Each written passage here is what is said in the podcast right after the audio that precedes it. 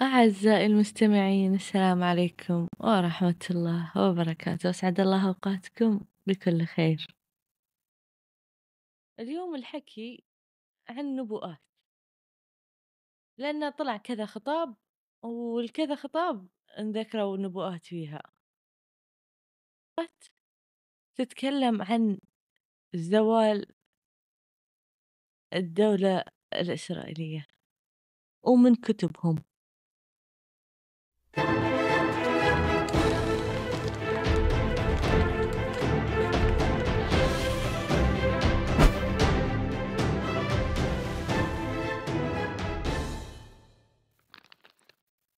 كل الإعلام طالع يقول إن في إبادة جماعية في غزة لكن في قصة صارت إن وقت قائد أمريكا قال ندخل نسوي استطلاع.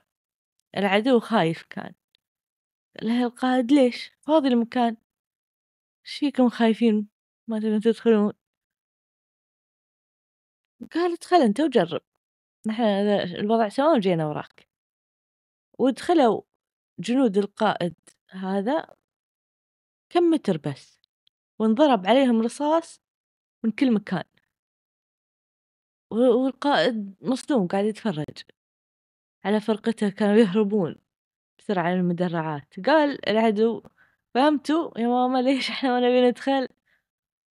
وتعرض العدو لخسائر مو طبيعية. أعلنوا عن ثلاثين دبابة انقصفت قتلى وجرحى من العدو. يقال إن انقطع النت عشان ما ينفضحون. وقلت هالكلام إن المقاومة والشعب ما استسلموا ويدافعون عن أرضهم للحين. القيادات صراحة ما عرفوا وينهم لكن العدو يعرف وينهم المهم بحط لكم الفيديوهات على موقع إكس أو تويتر بس مو معناها إن الوضع تمام. ما حد فينا يقدر يتحمل اللي يتحملونه لو ساعة. هم تحت قصف عنيف. وصفوه المحرقة الصهيونية الكبرى. ولا في وسيلة نطمن عن ربعنا هناك. قاطعين كل شيء وفي ضغط كبير على شركات اتصال مصر يفتحون لهم لأنهم أقرب شيء يعني للاتصالات. وفي شركتين خصوصا قراب وبسهولة يعني نقدر نعرف اللي يصير لايف ولا شركة للحين طلعت قرار أو شيء. وفي اتفاقيات تمنع دخول الشركات برا الحدود بسبب قانون دولي. والجرائم الدولية اللي يسوونها هم عادي. وإحنا ما عليكم محترمين لازم نحافظ على أم القوانين الدولية. وآخر شيء يسمونه مجموعات.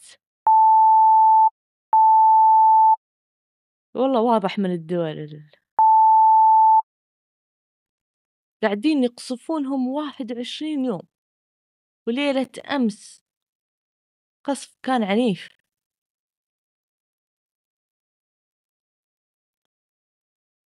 قرروا اليوم يدخلون بس مو برسمي عشان ما ينفضحون لأن في احتمال كبير إن العملية ما تنجح العملية البرية طبعا. بعد ما هدموا غزة كلها. كلنا حاطين يدنا على خدنا ونتفرج. طلع النتن حقهم يتكلم وقال كلام كثير يعني وخطاب طويل. وإحنا دايم نقول يعني المفروض إن نفصل الدين عن السياسة. في كل البلدان. وطلعوا مشايخ يتكلمون انه ليش أنتوا اللي قلتوا هالكلام قبل؟ ليش ما تقولون عنهم هم. ليش ما تحاولون تدرسون عنهم هم؟ وأفكارهم. لا ندرس وبنقول. وإحنا أصلا ضدهم. يعني عموما. لأن بين الكلام اللي دارسين الديانات قال إنه هو اللي بيحقق نبوءة أشعياء. وش هي نبوءة أشعياء هذه؟ وأنا ما راح أفتي وأفسر لهم أو عنهم يعني لأني ما أعرف لكن بقرأه مثل ما هو. وحي من جهة مصر هو ذا الرب راكب على سحابة سريعة وقادم إلى مصر. فترجف أوثان مصر من وجهه ويذوب قلب مصر داخلها. وأهيج مصريين على مصريين.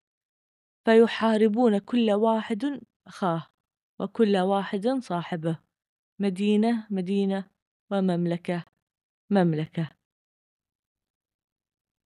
وتهراق روح مصر داخلها وأفني مشورتها فيسألون الأوثان والعازفين وأصحاب التوابع والعرافين. لأن بيكونوا خايفين فيدورون أي حد.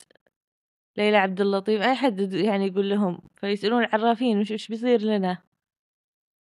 وأغلق على المصريين في يد مولى قاس فيتسلط عليهم ملك عزيز. يقول السيد رب الجنود وتنشف المياه من البحر ويجف النهر وييبس. هذا طبعا في سفر إشعياء. والشيء الثاني هو مو نبوءة. مثل تحليل منهم أو طريقة تفكيرهم. واللي جاب سيرة هالكلام من شوي طلع خطاب للناطق العسكري. ومن ضمن كلامه قال لعنة العقد الثامن. وش هي لعنة العقد الثامن؟ بعد خمس سنين يكملون ثمانين سنة. وتفكيرهم هم وكتبهم بعضهم هناك خذاها أمر واقع ما يقدرون يسوون شي فيه. وأكثر من نصهم عندهم جوازات ثانية. واللي يتكلم عن هاللعنة بوضوح النتن نفسه وقال أنا بس اللي أقدر أكسر اللعنة وانتخبوني.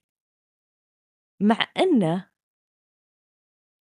عندهم نبوءة أنه اللي بتنتهي الدولة على يده اسمه عطاء الله.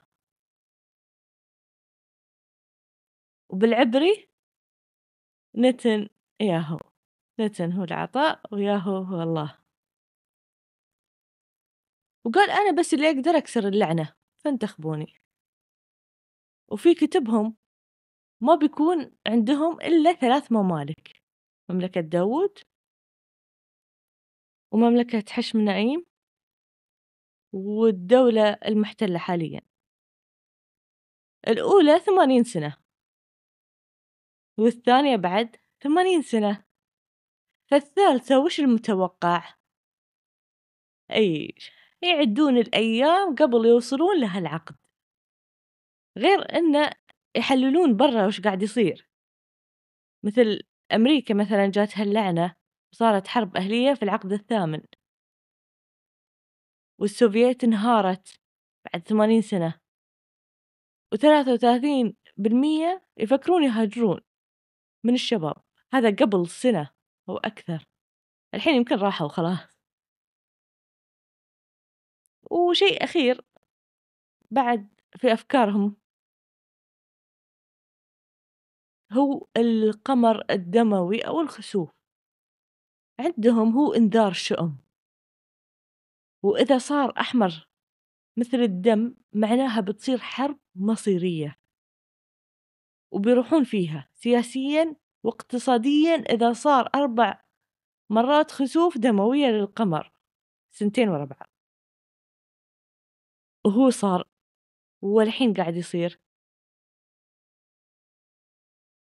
وعندنا يقال إن السبت القادم. الله أعلم. قال الرسول عليه الصلاة والسلام أن الشمس والقمر آيتان من آيات الله تعالى. لا ينخسفان لموت أحد ولا لحياته. فإذا رأيتموهما فصلوا وادعوا